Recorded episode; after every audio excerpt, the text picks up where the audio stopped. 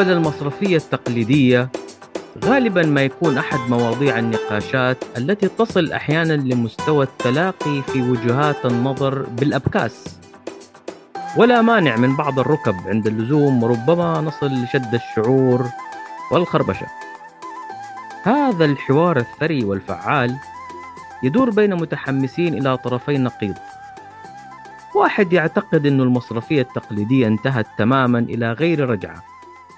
وأنها مسألة وقت قبل أن تقفل جميع بنوك العالم أبوابها وأن المستقبل للفنتك والشركات الناشئة التي ستنقذ العملاء من براثن البنوك الجشعة. فيما يقف على الطرف المقابل رأي يعتقد أن جميع تطبيقات المصرفية الرقمية والتقنية المالية والفنتك عموما والبنوك الرقمية القائمة مجرد لعب عيال. سينتهي مع أول أزمة عابرة تكشف هشاشة البنية التحتية والبنية المعرفية والبنية البشرية لجميع اللاعبين في هذا النطاق رافعا شعار المصرفية التقليدية باقية وتتمدد. الواقع يقول وهذا تذكير مني الكلام ذكرته في أكثر من مناسبة. البنوك التقليدية والبنوك الرقمية digital only banks الاثنين موجودين في نفس السوق على مدى عشر سنوات الآن تقريبا. في أمريكا كقارة وأوروبا كقارة ورغم بيانات النمو القوية إلا أنه ما أحد قضى على أحد ولا أحد طرد أحد. أساسيات السوق وأداء الأعمال كانت فيصل بين نتائج البنوك المختلفة أيا كان نوعها. بنوك تقليدية تهاوت وبنوك رقمية خرجت من السوق. لا جديد. أذكر مرة أخرى من المبكر الحكم على مستقبل البنوك الرقمية. وكذلك الحكم على نموذج العمل المصرفي التقليدي بأنه انتهى وانقضى أو سينتهي وينقضي بمجرد ازدهار البنوك الرقمية. وهو أمر في نظري يعني ازدهار البنوك الرقمية يحتاج على الأقل إلى عشر سنوات. ينضج فيها نموذج العمل ويتم اختباره كما يجب. في هذه الحلقة راح أستخدم بيانات مختلفة من عدة تقارير ودراسات واستطلاعات. أجرتها كبرى شركات الاستشارات زي McKinsey Deloitte BCG في محاولة لتوضيح بعض النقاط. على سبيل المثال ما في شك أن جائحة كوفيد 19 وفرت فرصة كبيرة لرفع نسبة تبني الحلول الرقمية. وهذا شيء استفادت منه جميع البنوك ليس فقط البنوك الرقمية وحدها. ما هو سر أنه جميع البنوك زادت استثماراتها في الحلول الرقمية؟ وما هو سر أنه عدد العملاء اللي بيستخدموا ولا يزالوا الحلول الرقمية من مختلف الأجيال العمرية؟ زادوا بعد الجائحة عما كان وضعهم قبلها.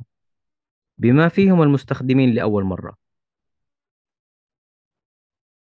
في تقرير لبي سي جي بعنوان الشمس تغرب على المصرفية التقليدية ملاحظة أن العملاء خلاص تعودوا على البنوك باعتبار أنها تطبيقات وليس باعتبار أنها مباني.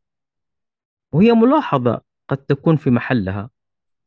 من الصعب في كثير من الأسواق اليوم فعلا أنك تلاقي بنك ما عنده تطبيق يتيح لعملائه تنفيذ معظم عملياتهم اليومية دون الحاجة لزيارة فرع. BCG وهذه عبارة جميلة صراحة بيقولوا انتهى الوقت اللي كانت البنوك تعتقد فيه إنها too big to fail. المفروض اليوم يكون هم البنوك التقليدية إنها ما توقع في فخ too slow to adapt.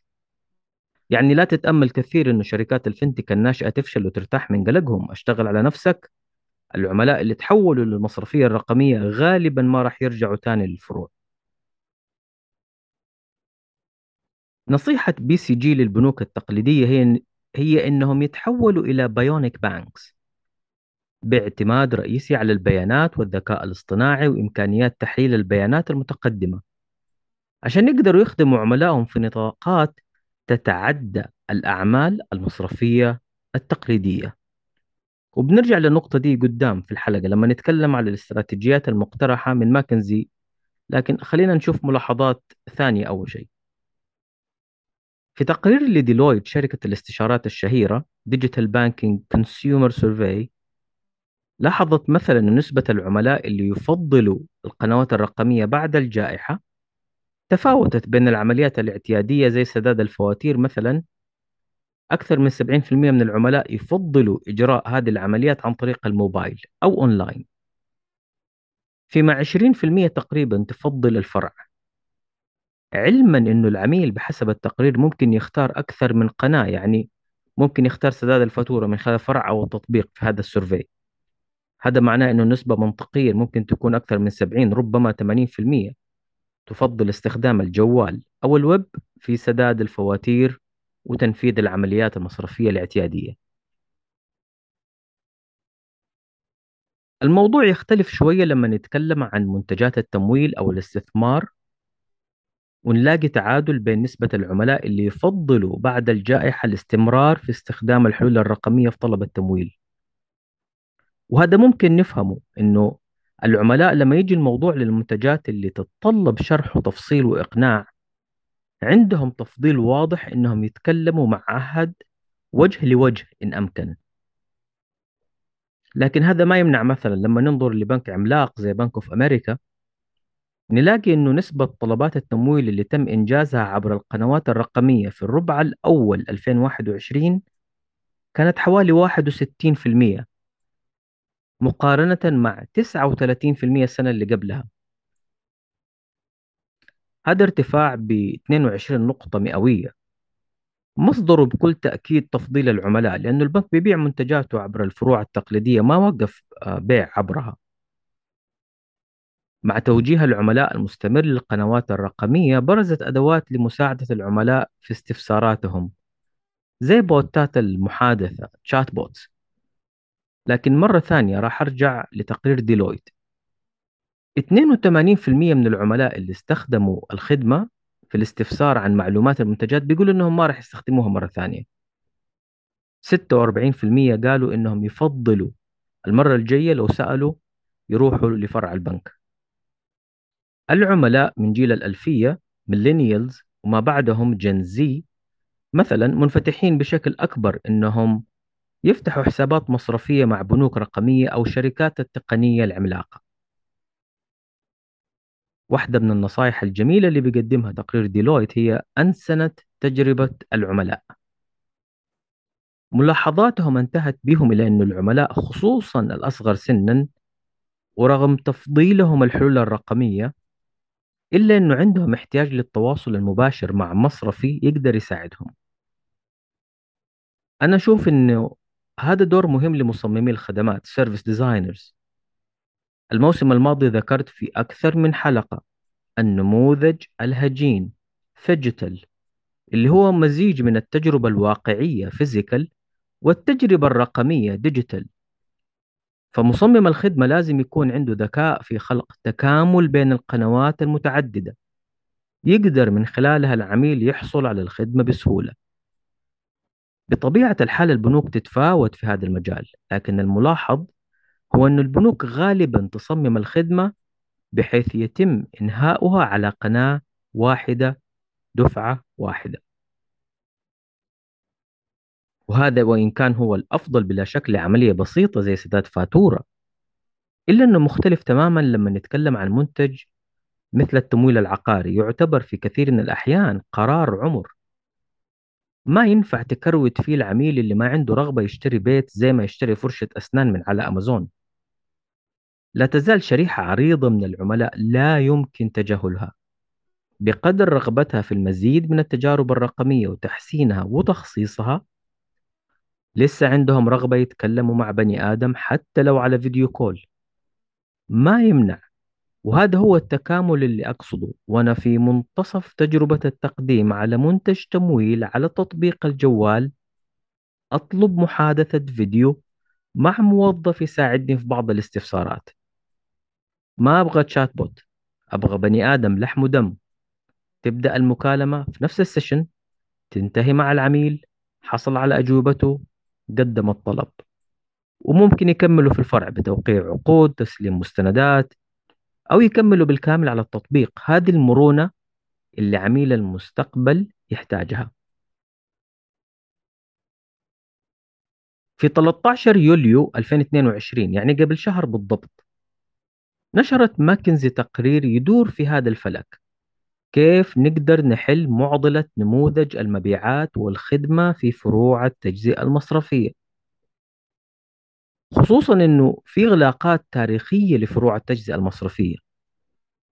بحسب تقرير ماكنزي في الأسواق المتقدمة Developed Markets هي بحسب تعريف ستاندرد بورز 25 دولة عندهم معايير لتقريرها. المهم البنوك في هذه العينة أغلقت خلال عام واحد 2021 ما نسبته 9% من إجمالي فروع المصارف العاملة. هذه أعلى نسبة إغلاقات خلال آخر خمس سنوات من 2017 مع ذلك ورغم الانخفاض في عدد عمليات الفروع بسبب الحظر أيام الجائحة ورغم انخفاض المبيعات من الفروع بعد الافتتاح مرة ثانية بحسب ماكنزي مبيعات فروع التجزئة المصرفية انخفضت بنسبة 10% إلا أن الملاحظ أن الارتفاع في المبيعات عبر القنوات الرقمية ما عوض هذا الانخفاض. بالمجمل القنوات الرقمية ارتفعت مبيعاتها أربع نقاط مئوية. علما أن مبيعات القنوات الرقمية في 2021 وصلت 40% من إجمالي المبيعات. وهو رقم تاريخي لكنها بالمجمل لا تزال لم تعوض فارق الانخفاض في المبيعات الكلية. وهذا اللي خلاهم يطرحوا سؤال وجيه. هل القنوات الرقمية قادرة على استبدال فروع التجزئة المصرفية؟ اللي بيجادلوا به هنا هو إنه حتى الارتفاع اللي صار في مبيعات القنوات الرقمية ما صار عشان القنوات الرقمية أشطر. لكن عشان الفروع كانت غير متاحة للمبيعات أساسا بسبب إغلاقات الجائحة كوفيد 19 وبسبب بعض التغيرات الاقتصادية اللي خارج عن سيطرة جميع المتعاملين. غير كده من الملاحظات المهمة في تقرير ماكنزي إنه في فرق بين رغبات العملاء المعلنة وتصرفاتهم. يعني على سبيل المثال 75% من العملاء في أمريكا يفضلوا إنهم يفتحوا حساب مصرفي رقميا. لكن في الحقيقة حوالي 35% فقط من الحسابات بتنفتح عبر القنوات الرقمية. في بريطانيا القصة مختلفة. مثلا نسبة المبيعات عبر القنوات الرقمية حوالي 86% فيما أن العملاء لما سألوا عن تفضيلهم للمبيعات عبر أي قناة 45% فقط من العملاء أختاروا القنوات الرقمية. الجميل أنه ماكنزي وهذا الأول مرة أشوفه فرقوا بين الرغبة والتفضيل والاستخدام للقنوات الرقمية أو الموبايل بالتحديد. واحدة من الاستراتيجيات اللي اقترحتها ماكنزي لدفع الموجة القادمة من نمو استخدام القنوات الرقمية هي تقديم أدوات أو خصائص متقدمة زي Personal Finance Management Tool. أحد يذكرني كم مرة تكلمت عنها بالله؟ PFM tool تجمع بيانات عملياتك المصرفية تصنفها تحللها تخرج لك بتوصيات كيف تحسن سلوكك الإنفاقي. بحسب ماكنزي البنوك اللي بتقدم زي هذه الخاصية لعملائها ونسبة كبيرة من عملائها مفعل هذه الخاصية بيلاحظوا 37% مرات دخول أكثر على تطبيق الجوال. وانتبهوا هنا و175% زيادة في المبيعات لكل مستخدم. هذا أبلفت في المبيعات ما تشوفه في أحسن أحلامك. ليش؟ عشان كاستمر انجيجمنت أنت بتساعد عميلك بتقدم له خدمة تحسن حياته كلها مو بس شؤونه المالية.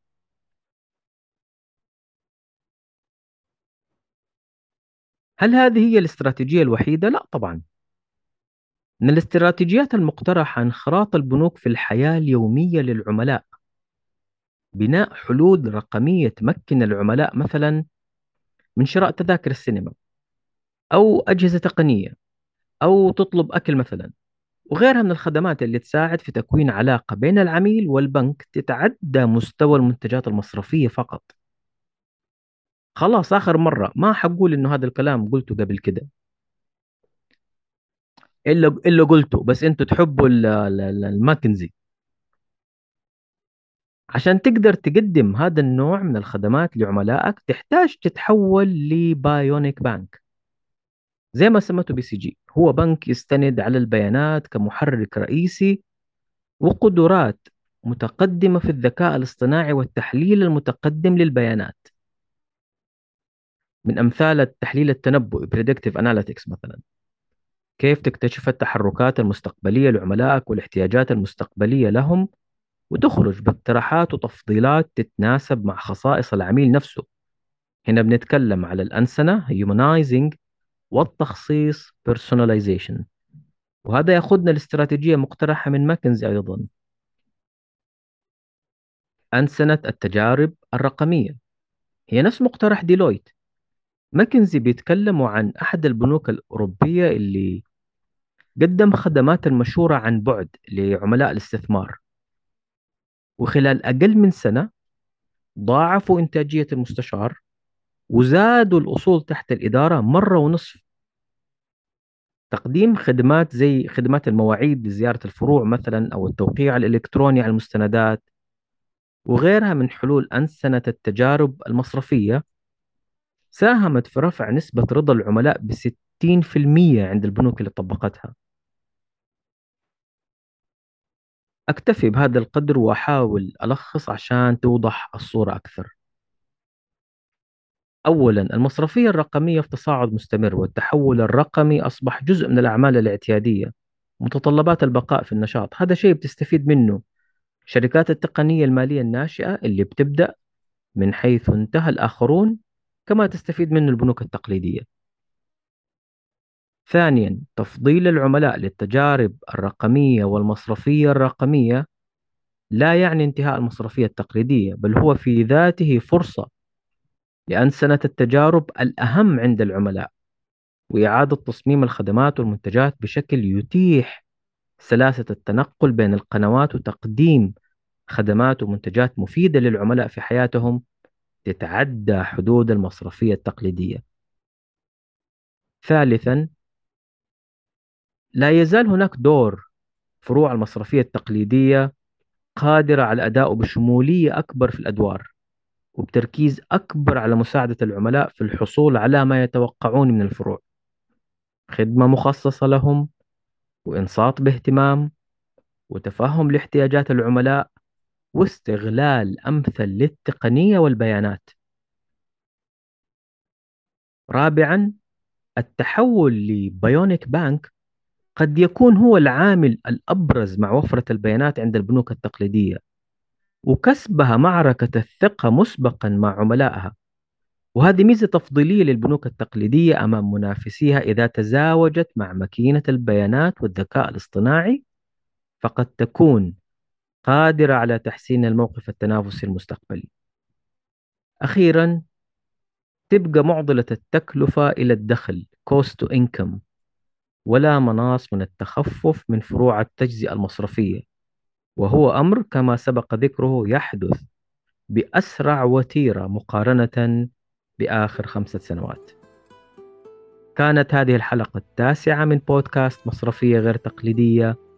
شكرا لمتابعتكم. Banking Unusual